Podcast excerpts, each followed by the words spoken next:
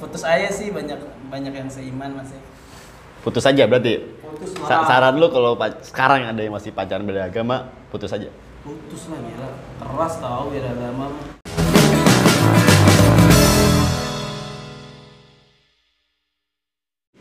Kali ini gua bareng temen gua Demos, temen SMA.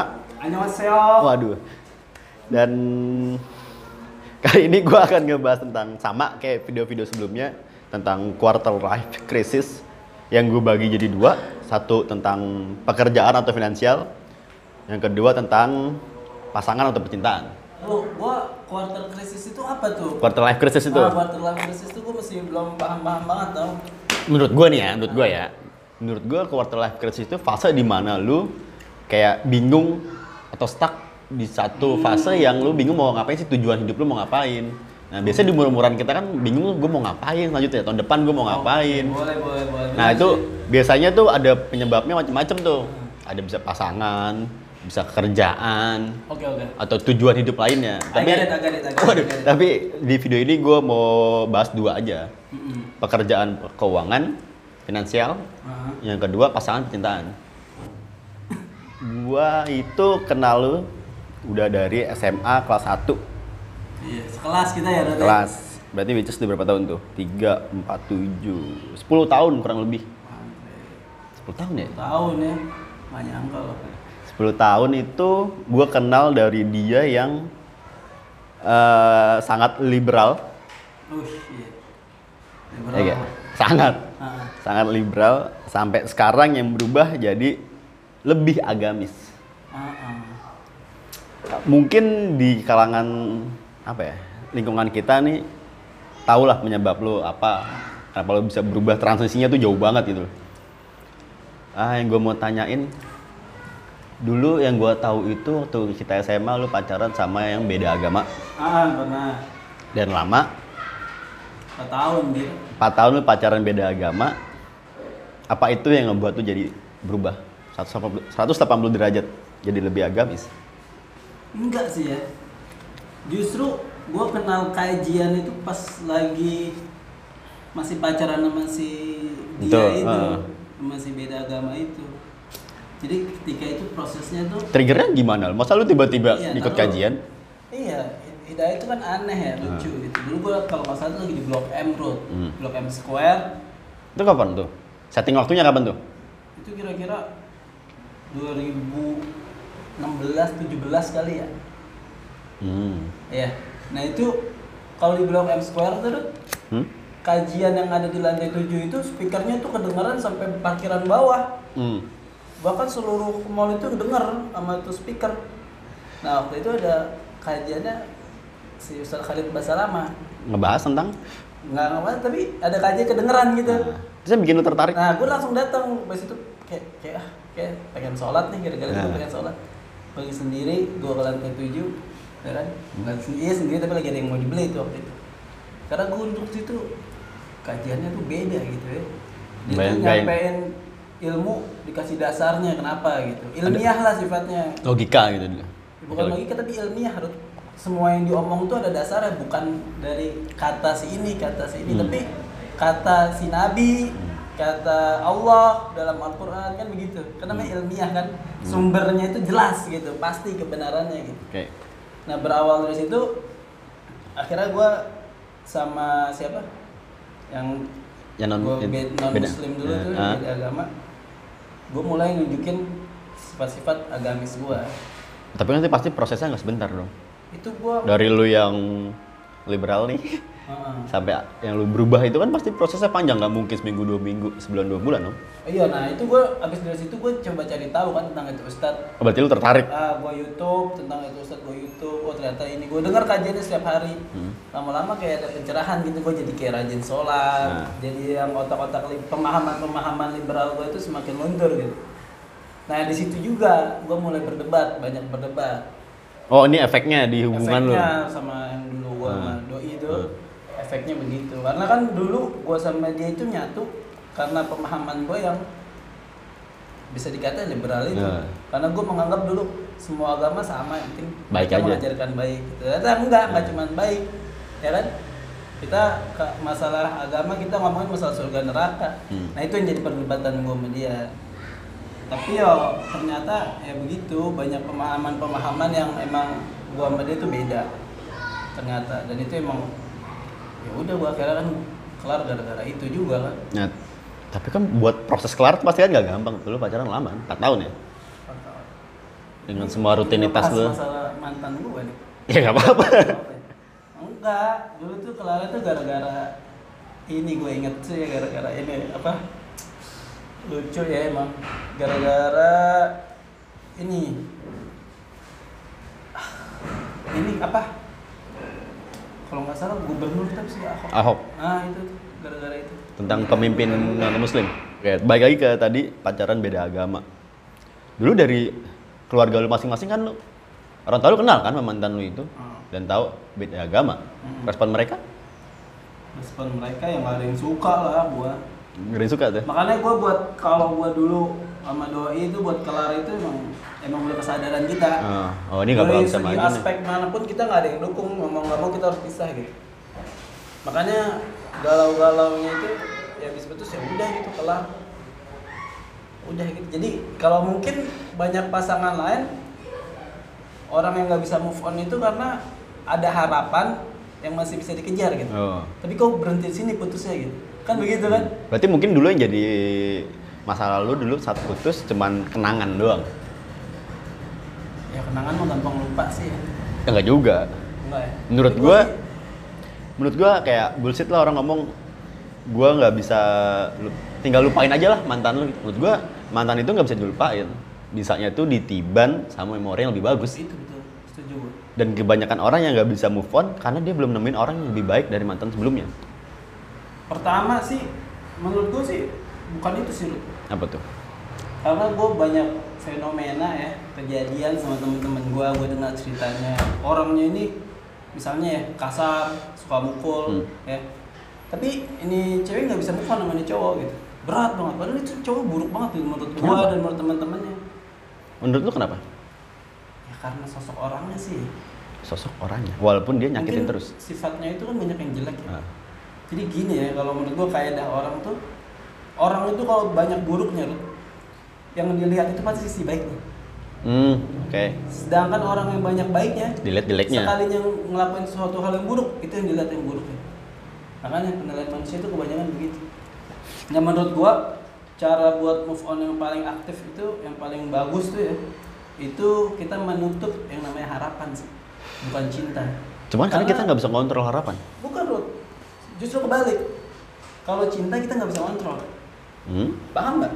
Gini lah, lu udah nggak sama dia, eh, tapi Hmm. lu masih kayak masih ngepoin, masih kayak ada rasa cinta. Itu Hmm. cinta tuh emang agak lama susah hilang.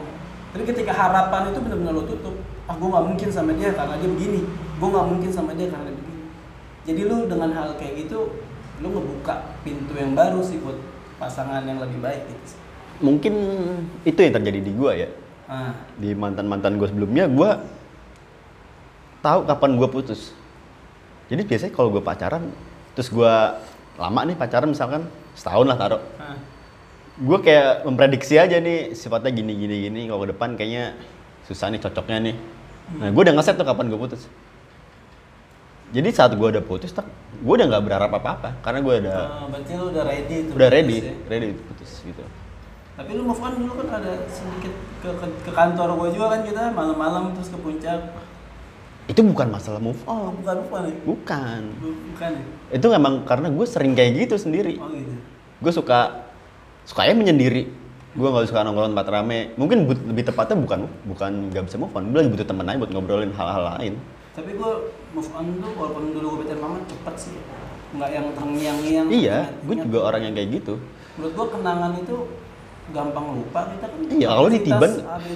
Iya menurut gue kenangan tuh bisa hilang, nggak hilang sih, bisa ditiban sama kenangan yang lebih baik. Mindset I cannot live without you itu bullshit sih. Bener, sangat. bullshit banget Bullshit. ya makanya sifat-sifat ketergantungan itu emang harus dihilangin sih itu tuh yang bikin orang tuh pada berat Nah dulu kan gue juga pernah nih, waktu SMA gue pacaran sama yang non muslim juga. oh iya paham Iya. Chinese ya Iya aduh. dulu yang gue rasain itu ah, bedanya ya gue pacaran sama yang seagama sama yang beda agama. Kalau yang beda agama tuh kayak lebih kompromi. Hmm. Saat melakukan hal apa pun tuh kayak lebih kompromi aja gitu loh. Bahkan dulu gue kayak nganterin ke gereja, dia nungguin gue sholat Jumat. Sebenarnya sih bukannya kompromi sih kalau menurut gua. Tapi kayak rasanya jadi lebih beda aja gitu loh. Kalau menurut gua kita tuh berusaha ngelakuin suatu hal Hmm. yang sifatnya itu penuh dengan toleransi. Mm-mm. Lu pengen nunjukin bahwa gua tuh beda loh sama orang-orang Islam yang lain. Kalau gua sih dulu gitu. Hmm. Gua tuh orang yang menghargai banget perbedaan. Buktinya lu gua anterin ke sini ke gereja, misalnya gua dukung acara keagamaan lu. Waktu gua belum paham. Ah. Ya. Gua sih ke arah situ sih pengen nunjukin kalau kita tuh beda gitu. Itu sih. Nah saran lu buat orang-orang yang masih pacaran beda agama, terutama muslim ya. saran gua kalau lu masih beda agama lu tentuin sama pasangan lu agama mana agama mana yang mau lu pilih satu. Waduh, iya mau nggak mau lu harus satu agama buat nikah. Lu mau nikah di mana? Di Belanda. ya kan?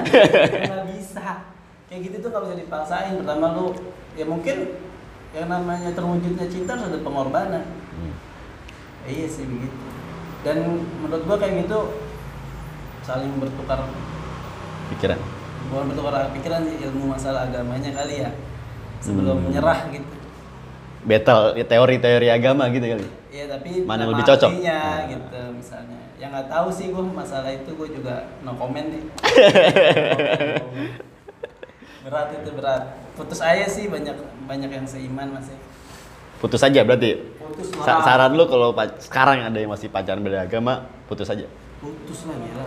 Keras tau beda agama. Soalnya ya kasihan sih dua-duanya kasihan gitu. Walaupun cinta sama-sama cinta tapi nggak udah gitu-gitu doang. Mau ngapain kita udah dewasa udah 25 tahun cuy. Tapi kalau menurut gua kalau pacaran beda agama terus saling memperjuangkan itu menurut gua harus siap-siap sakit hati. oh iyalah. Jangan kan beda agama loh satu agama aja satu visi kita pacaran atau kita lagi punya komitmen sama Hmm. orang siap-siap sakit hati Iya. harus siap lah Harus siap. cinta siap-siap sakit aja Aduh. Terus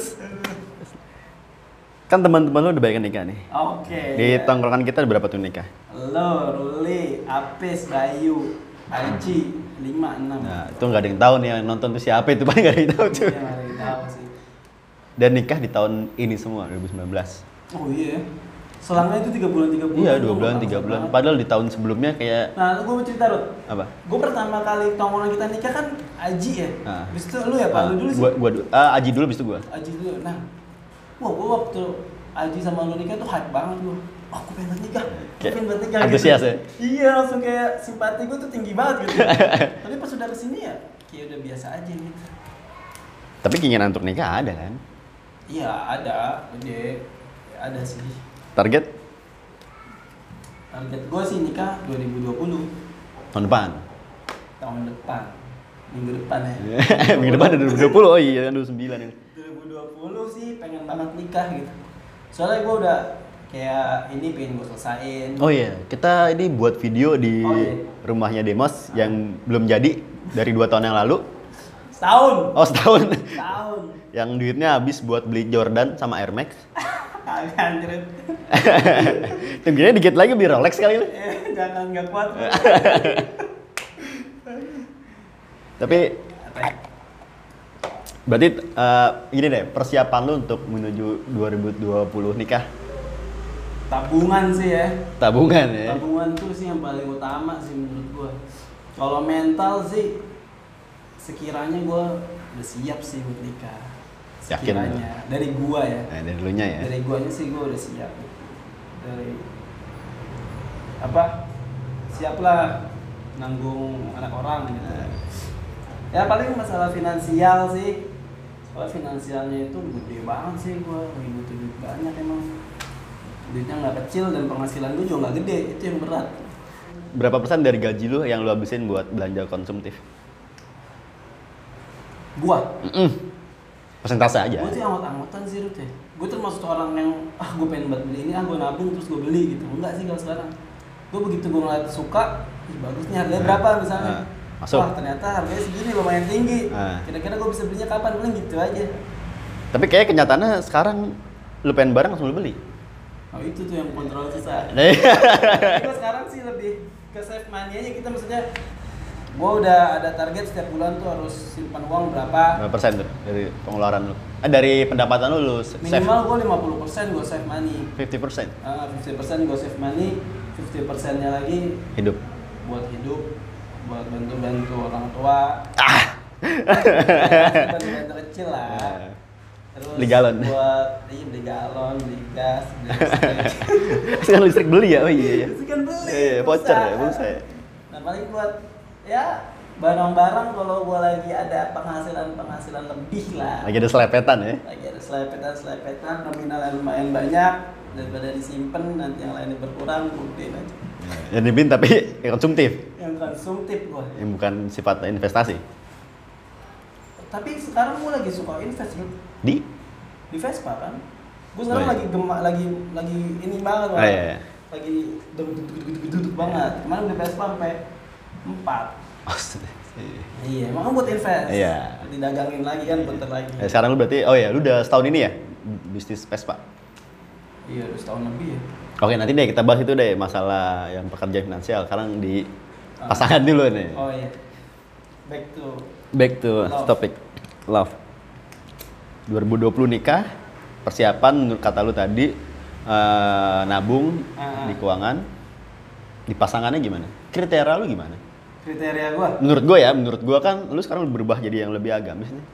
Kayaknya buat nyari kriterianya agak lebih susah nih di lingkungan kita yang kayak gini. hmm. gue sih pernah bilang sama lu pernah ya Apa? waktu itu kalau gua tuh sebenarnya cewek itu kan kalau kata hadis nabi itu eh buat masuk surga itu gampang tuh Apa tuh? Apa aja? yang pertama sholat lima waktu Mm. ya kan puasa wajib sama nurut sama perkataan suami Kayaknya kalau sholat lima waktu sama puasa gampang dicari tuh. gampang kan Eh, menurut Mas Suami nih kadang nih. Iya. makanya gue sih sedikit eh lu juga pasti ya lu pasti sebel deh kalau lu bilang bini lu, lu suruh A dan itu suatu hal yang benar tapi bini lu nggak nurut lu sebel nggak Sebel sih. sebel banget kan emang kodratnya lagi kan gitu Tapi gue ngaca dulu. Gue nyuruh hal yang apa dulu nih. iya Gue harus nyuruh yang gue lakuin dulu. Hmm, Kalau gue nggak ngelakuin tapi gue nyuruh kan nggak fair. iya tapi kalau kriteria sih buat jalan istri ya Mm. Ya gue Eh, sih eh, kita pecah lagi nih kriteria calon lagi. istri. Kita bagi dua, fisik sama sifat. Fisik dulu. fisik Bohong lah, Fisik kita laki nggak cantik nggak- menurut gua Nah, oke. cantik menurut gua ya Apa tuh cantik menurut lu kayak gimana?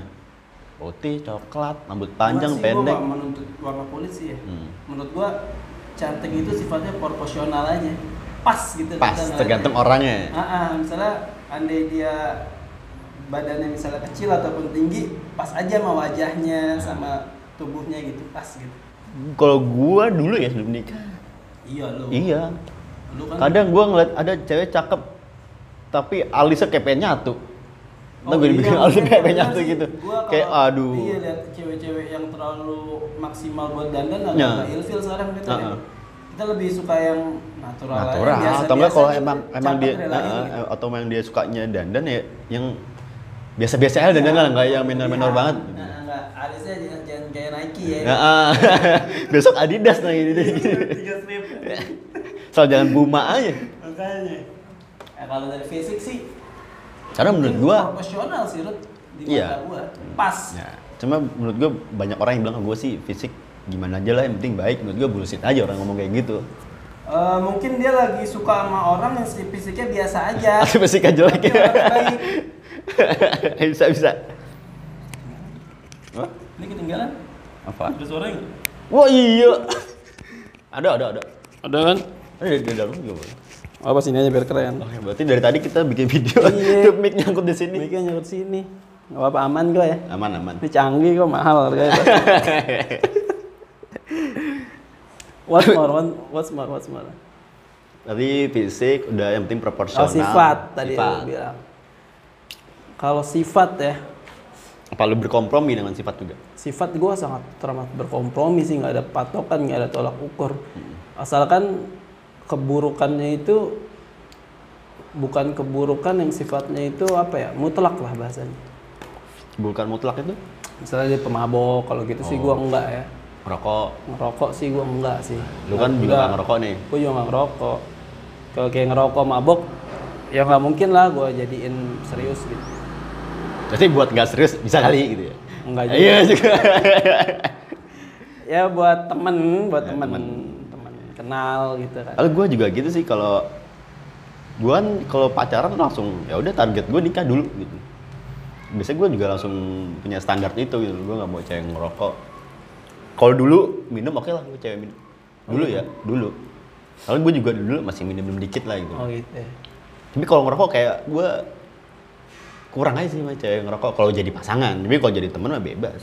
berarti lu kan dulu pernah berpikiran kalau cewek minum itu nggak apa-apa gitu Iya. karena lu minum Karena gue minum. berarti sebenarnya jodoh itu ya cerminan kita ya Iya. ya nggak kita ngeliat diri kita nih kalau Hmm. diri kita ngelakuin suatu hal yang buruk ya berarti nggak apa-apa nanti jodoh gue punya Kayak gitu. keburukan kayak begitu juga Nah yang ngehe banyak nih orang yang contoh gini, gue banyak sering ketemu temen gue gini, dia bukan nggak udah nggak virgin, laki-laki apa sih sebutannya nggak perjaka, ah. tapi dia mau cewek yang perawan. oh Banyak tuh kayak gitu, gue kalau nikah mau yang perawan lah, kalau menurut gue sih kan banyak. uh, masa nikah harus perawan sih Iya, menurut, nah itu kayak boleh tuh jadi pembahasan tuh. Penting nggak menurut lu nikah tuh dapat istri yang perawan tuh nggak? menurut gue sih ya nggak penting sih ya artinya kenapa gue bilang nggak penting kita itu nikah sama cewek misalnya gue mau nikahin seseorang dia yang sekarang sih bukan dia di masa lalunya gitu. Wih cakep. kalau gue sih begitu. Makanya gue bilang dibilang kriteria gue gue maunya nikah sama seorang wanita nanti jadi istri gue tuh dia berhijab. Seandainya dia sekarang detik ini masih belum berhijab ya nanti lu pas lamaran atau pas kita mau nikah ya lu berhijab tutup aurat selama lamanya begitu sih. Karena mungkin kan di masa lalunya dia dia belum berhijab nih. Agak berat kan buat cewek nutup aurat tuh berat banget susah banget emang dan ya kita harus bantu dia buat kayak nutup aurat. Yang penting pas nikah sama kita sih ijab kabul dia dalam keadaan sempurna sih auratnya ketutup. Cakep. Dalam Kalau keadaan sempurna. sama auratnya. bayangannya kayak misalnya orang dia nggak perawan mungkin ya dia punya masa lalu yang buruk. ya. Ya nggak? Kita juga punya masa lalu yang buruk Rut. Ya kan begitu ya nggak? Iya iya iya. ya kita jangan naif lah jangan egois lah. Itu kan masa lalu ya. Kita nikah sama orang yang sekarang buat ngebangun masa depan gitu masa lalu ya biarlah berlalu ibaratnya mobil kita ngeliatnya yang banyak kan ke depan yang di belakang itu cuma spion doang kecil. Tapi spion penting. penting penting Karena spion bisa memprediksi masa depan. spion Bisa memprediksi masa depan. setuju. Kayak kita nyetir nih, Ah. ada spion, ada mobil mau nyalip kan kita Iya. lihat. Kita tahu jadi dia arahnya ke mana. Ah. Karena gue sering ngelakuin itu sih kayak ngebaca ritme orang dari apa sih dulu dia masa lalunya gimana, temen-temennya gimana. Nanti ke depan kira-kira bakal kayak gimana gitu loh. Ah mungkin cewek yang agak berat sekarang tuh kalau masa lalu tuh masalah mantan kali ya. Cewek itu susah move on ya kan. Lu pernah gak sih misalnya sama cewek terus lu dibanding-bandingin secara langsung ataupun gak langsung itu kan hal yang menyebalkan Pernah sih, sih. pernah. Itu nyebelin banget ya. Menyebalkan. Nah itu tuh hal-hal kayak gitu yang sifatnya sebenarnya kita harus ngerti gitu. Harusnya kita ngerti gini, oh ya udah, yang namanya lu juga belum terlalu lama selesai sama dia, ya kita ngerti lah lu kayak punya bersifat kayak gitu masih belum move on gitu. Harusnya kita sih yang ngerti buat ngebawa dia biar bisa move on gitu. Tapi itu kan hal yang berat buat kita kita juga cowok kan. Cowok bos. Normal kita punya rasa yang suka cemburu, suka ini, suka itu. 2020 nikah. Persiapan tabungan berapa persen kira-kira? Udah berapa persen? Berarti lu nggak bingung buat kalau berarti lu nggak berarti lu nggak menyiapkan tabungan buat nikah aja ya harus buat ini Iya, rumah makanya itu gue dibilang gue tuh bingung gitu. Gue sih ada harapan juga dibantu gede sama orang tua gue. Tapi kayaknya nggak tahu gue belum ngeliat hilalnya ke arah situ. Belum ada hilalnya. Tapi sih gue ya kayak punya Vespa tua juga lumayan lah kalau dijual lah motor-motor gue. Tempat ya. Empat. Bisa lah buat nambah-nambahin ya. Ya cukup lah. Di beli lemari kali ya, bisa kali ya. Beli King Coil gitu. King coil lo. Gak apa-apa rumah jelek yang penting kasut king coil. Iya gue. ya aduh berat Rut kalau ngomongin tabungan. Emang sih harusnya kita nikah dulu ya. Gua sih kemarin nikah eh gua nikah dari persiapan awal sampai nikah tuh cuma 7 7 bulan atau 8 bulan tuh. Persiapan. Iya, dan itu waktu eh gue mau nikah, duit gue nol. Oh gitu. Iya. Tapi gue kagum sih perjuangan tuh. Dan ceweknya bisa ngerti gitu. Bukan bukan bisa ngerti mas, karena cewek gue itu Ratih ini selera makanan sama kayak gue, Hmm. nggak suka makan yang aneh-aneh. Nah itu berbanding kebalik sama gue tuh. Gue sukanya makan yang aneh-aneh, suka nongkrong di tempat yang Baru asik-asik, yang Nah. seru-seru gitu. kalau gue mungkin persamaan gue sama Ratih itu bini gue soal nongkrong gaya hidup tuh gue Hmm. 90% sama. Kayak gue nggak suka keramaian, dia juga. Mm-mm. gue tuh lebih suka nongkrong di rumah dari dulu kayak lulu pada kan main ke rumah gue itu ngobrol pagi Iya. oke gitu enggak gue main ke rumah lu sampai pagi ngobrol Rati juga gitu dia bukan orang yang tiap weekend pergi keluar makan dia tuh kalau makan di di sini enak udah di situ terus Hmm. sampai dia bosan ntar cari lagi yang lain di situ terus gitu Ya kalau gue sih beda banget tuh ya. Kalau gue kan emang harus ada setiap minggu tuh keluar rumah gitu buat hangout sih. Biar nggak bete sih. Nah, gue orang tabiatnya suka jalan, Rut. Iya sih Suka jalan. yang diajak jalan Ya, yang diajak jalan itu itu aja. aduh saya ingin ingin mengungkapkan sesuatu tapi Apa sih lu? Itu mimisan deh. Oke, berarti untuk eh, masalah percintaan atau pasangan, lu udah punya target lah. Target pasangan juga udah ada, udah ada kan? Target yang mau dituju ya. Ntar mau dicoba dulu berhasil nggak? Kalau gagal ya udah pindah ke sama lain cewek, hati. sama cewek yang lagi dekat sama lu ini. mau Iya. coba. Tapi lu udah persentase lu klik sama dia berapa persen tuh? Berapa persen? Klik sih udah banyak ya. Udah banyak kliknya ya. 80 sampai kayak oh bisa nih jadi bini gua gitu. Iya, udah sampai ke arah, udah sampai Ya. begitu dalam batinnya. Kan permasalahannya cuman mau nggak nih orang gitu aja kan. Cuman harusnya kita tahu dong. Hah? Harusnya kita tahu dong kalau ngejalanin kira-kira dia mau atau enggak. Nggak juga sih kata gue zaman sekarang. Kadang orang itu nyaman belum tentu cinta, Rut. Yang cinta belum mau, belum tentu mau diajak nikah. Nah, ini nih bagus nih. Karena menurut gua banyak orang yang ngomongin tentang jodoh, jodoh ya.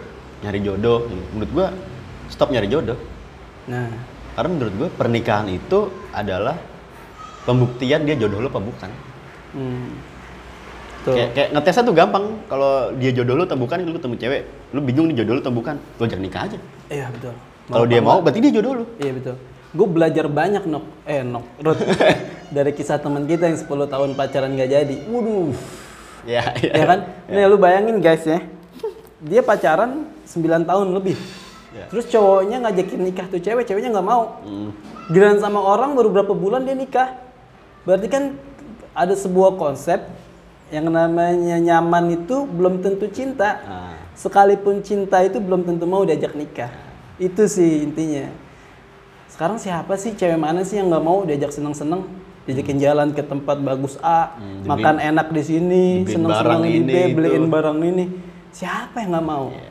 Ya kan? Dan perbuatan itu kan menimbulkan rasa nyaman dan kemungkinan besar menimbulkan rasa cinta. Tapi kan masalah nikah ada pertimbangannya dia lagi nih. Iya. Ini kira-kira cowok bisa nggak nih sama gua? Atau mungkin ada yang kurang dari kita? Ada mungkin atau mungkin ada yang lebih baik dari kita kan? Iya. Ya kan begitu konsepnya. Makanya gue bilang zaman sekarang mah kita nggak bisa ngasih apa ya dugaan bahwa dia itu pasti mau sama kita. Kata gue sih zaman sekarang nggak bisa. Tapi gue nikah gitu loh. Kenapa? Lu udah jelas maksudnya. Lu kan udah dari awal kan udah bilang lu mau nggak nikah sama gua? Mau, gitu enggak, kan? enggak. Enggak.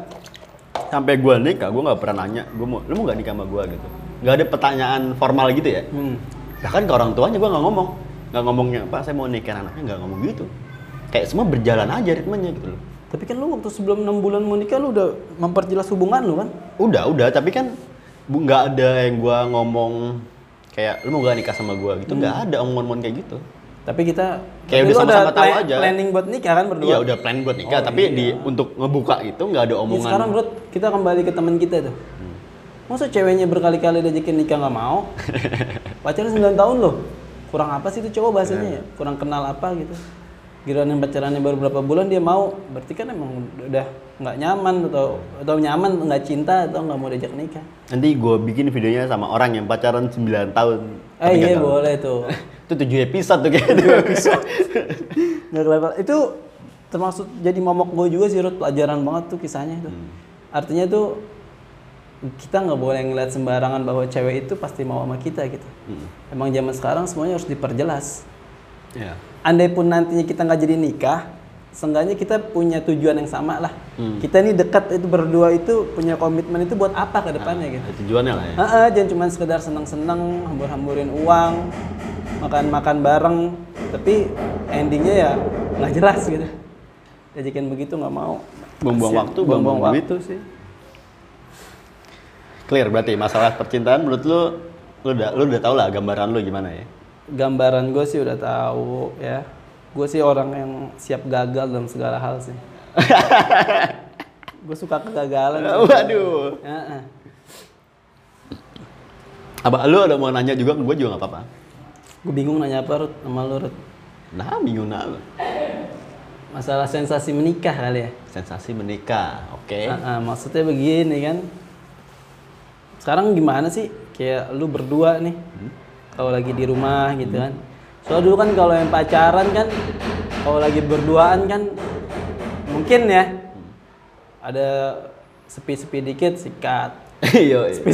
Gak boleh waktu luang dikit ya Gerus, boleh waktu luang dikit. Sikat gerus. Eh, sekarang gimana sih gitu-gitu masih ada enggak tuh? Wah, kehidupan di rumah berdua itu biasa aja sebenarnya. Maksudnya cuma bedanya nggak kayak dulu. Kalau dulu kan udah waktu luang dikit, waktu sepi dikit, Hmm. mulailah. Kalau sekarang lebih kayak nyantai, nggak yang keburu-buru, kayak lebih nyantai aja. Lebih nyantai, lebih enak lah. Lebih enak aja sih gue. Berarti lu ngerasain nikah itu lebih enak daripada Lebih enak. Oh, lebih, enak. enak. Heeh. Gue ngomong enaknya itu masalah cintanya ya, percintaan cintanya hubungan ya. berdua ya, bukan finansial ya. Itu beda lagi. Tapi kalau dari finansial gimana, Rut? Lebih irit apa lebih boros nikah? Hmm, sama aja sih. Sama aja. Cuma bedanya sebelum nikah kan gue kayak kayak setengah biaya hidup gue kan ditanggung masih orang tua kan kayak makan di rumah Oh gitu ya. gitu gitu karena kan gue harus ngurus sendiri dulu istilahnya biaya tinggal dulu kan di, di cover orang tua kan tempat tinggal dia biaya listrik dia kayak semuanya orang tua sekarang kan semuanya harus ya gue bayar sendiri Tapi boros nggak? Dibilang oh kalau untuk keuangan nikah sih dibilang boros sih gue enggak ya gue bini gue masih sama aja cuma kalau untuk pengeluaran ya sama aja di rumah nih kalau untuk rumah mungkin boros di kayak gaya hidup aja sih Gaya hidup? Hmm. Kayak enggak, enggak lu nggak neko-neko. gue nggak neko-neko cuma Bini lu namanya nggak neko-neko. ya lu nggak tahu Eh sih gue nggak follow Iya. IG-nya juga. Cuma kan di handphonenya ada Shopee, ada Tokopedia, ada Zalora. Sekarang online lebih Iya. dahsyat ya, Rut. Gue nggak jarang-jarang keluar dari rumah. Iya benar benar benar. Ngeri ngeri. Tahu-tahu dia pulang dari kantornya udah bawa kotak kayak sama plastik. Apaan tuh ya? Kalau nggak wishlistnya udah banyak. Iya. Tahu diri cewek. Aduh. Tapi itu ya tapi kalau kayak gitu ya masih wajar lah. Si wajar ya kategorinya wajar ya. Nggak nggak yang sampai kekurangan banget sih enggak lah. Gue sih normal-normal aja. Hmm. Kalau tujuan lo ke depannya apa, Rut? Kan resolusi 2020 nih. Mungkin gue lagi sedang mempersiapkan gimana punya anak sih. Kan bini gue udah hamil, Heeh. udah mau empat bulan nih. Mungkin persiapannya ke arah situ. Ah, bini lagi hamil? Iya. Oh. Mungkin lu banyak-banyak nonton Zaidul Akbar, Rut. Apaan tuh? Lah, nih buat teman-teman Rudi nih. lu kayak bawa bapak lu nih buat teman-teman ini. Jadi ada namanya Ustadz Dr. Zaidul Akbar, lu buka di YouTube. Kontennya dia itu tentang kesehatan. Hmm. Bagaimana caranya biar kita tuh Aduh, sorry ada suara tukang. iya sorry sorry suara sehat segala macam tuh bisa yang tadinya nggak hamil hamil ya jadi hamil bisa Rut. cuman minum makan minum makan doang Dari dia makanan minuman enggak dia cuman kasih tips aja Oh. makannya kurma muda misalnya makannya madu habatus sauda begitu orang yang promil banyak kok yang berhasil Waduh. Oh. sama kayak maintain buat ibu-ibu hamil biar sehat anaknya itu gimana lu banyak-banyak nonton dia nih Wah boleh tuh. Bener deh serius dan Kalau kan dulu kan eh, bini gua ada ini kan keguguran gitu sebelumnya. Soalnya dia bilang apa yang keluar dari tubuh kita itu pengaruh terbesarnya itu dari apa yang masuk dari mulut kita, dari makanan. Makanan. Makanya banyak cowok-cowok lemah tuh, lemah syahwat atau apa apa Au. Iya pokoknya bahasa-bahasa gitu karena makanannya itu junk food, banyak Hmm. lemak di badannya terlalu kurang olahraga. Lemak banyak nih, Gus. Udah oh, nge-gym. Gym ya. Baik, baik, lemah ntar tahun depan. Ya boleh makanya olahraga Ya dari sekarang. Itu persiapan tuh masukin tuh. Persiapan dari sekarang gue makan sehat, terus olahraga. Ya wajib sih Rod sekarang. Kita baru begini-gini udah kelar kan, waduh. Belum dia ngapain. Aduh, aduh, aduh. Nah ini nih penyakit nih, Wah, bikin lemah syahwat tahu. Rod. Ini kan ada bacaannya nih, Waduh. poten. Ah gimana sih lo? Masih aja. Tapi ada niatan buat berhenti ngerokok Rod. Ada lah. Gue tuh eh, udah bukan rencana ya. Gue mau bending rokok, tapi hal yang susah tuh bukan karena rokok, bukan karena rasa rokoknya, Ah. karena rutinitasnya itu. Hmm. Kalau lagi ngobrol gini terbiasa merokok. Lagi diem nungguin orang ngerokok. Habis makan ngerokok tuh udah jadi rutinitas. Tapi udah nggak nyaman rokok buat. Buat gue sekarang udah nggak nyaman. Gue udah sering banget ngerasa ngerokok tuh udah gak enak gitu. Habis ngerokok malah jadi gak enak gue. Hmm. Itu udah sering. Cuma buat ngerubah rutinitasnya tuh masih Susah ya Susah. rubah rutinitas tuh ya. Emang benar-benar berat rutinitas dirubah. kayak boros juga. Iya. Alhamdulillah sih gue nggak ngerokok sih. Ya, ya udah buat cewek-cewek yang nyari cowok, cowok gak ngerokok, siap menikah. Maksudnya dari segi pengeluaran gue nggak.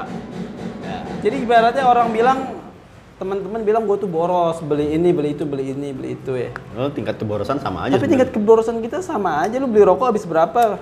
Gue beli barang ya bisa segitu juga. Nggak jauh-jauh beda.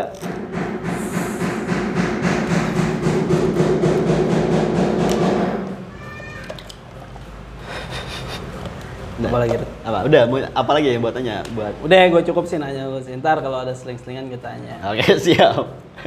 Lu ada nggak lagi masalah? Masalah percintaan ya, pasangan. Kayak udah sih gue kayak gue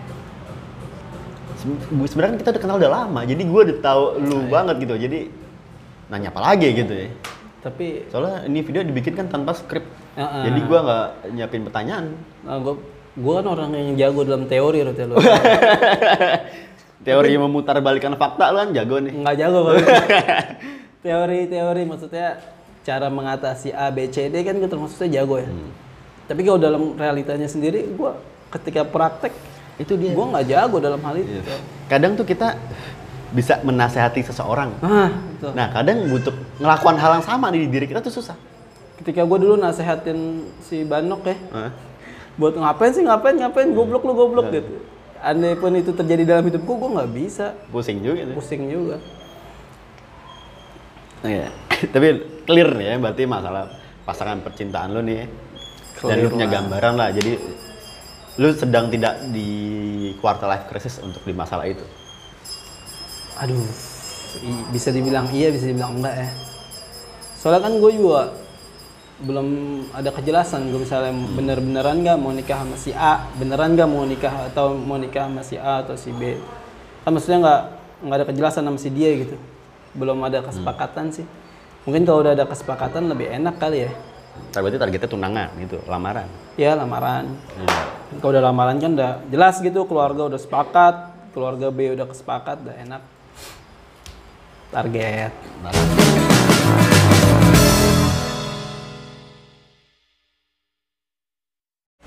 Ini selalu susah nih gue ngomong buka ini nih.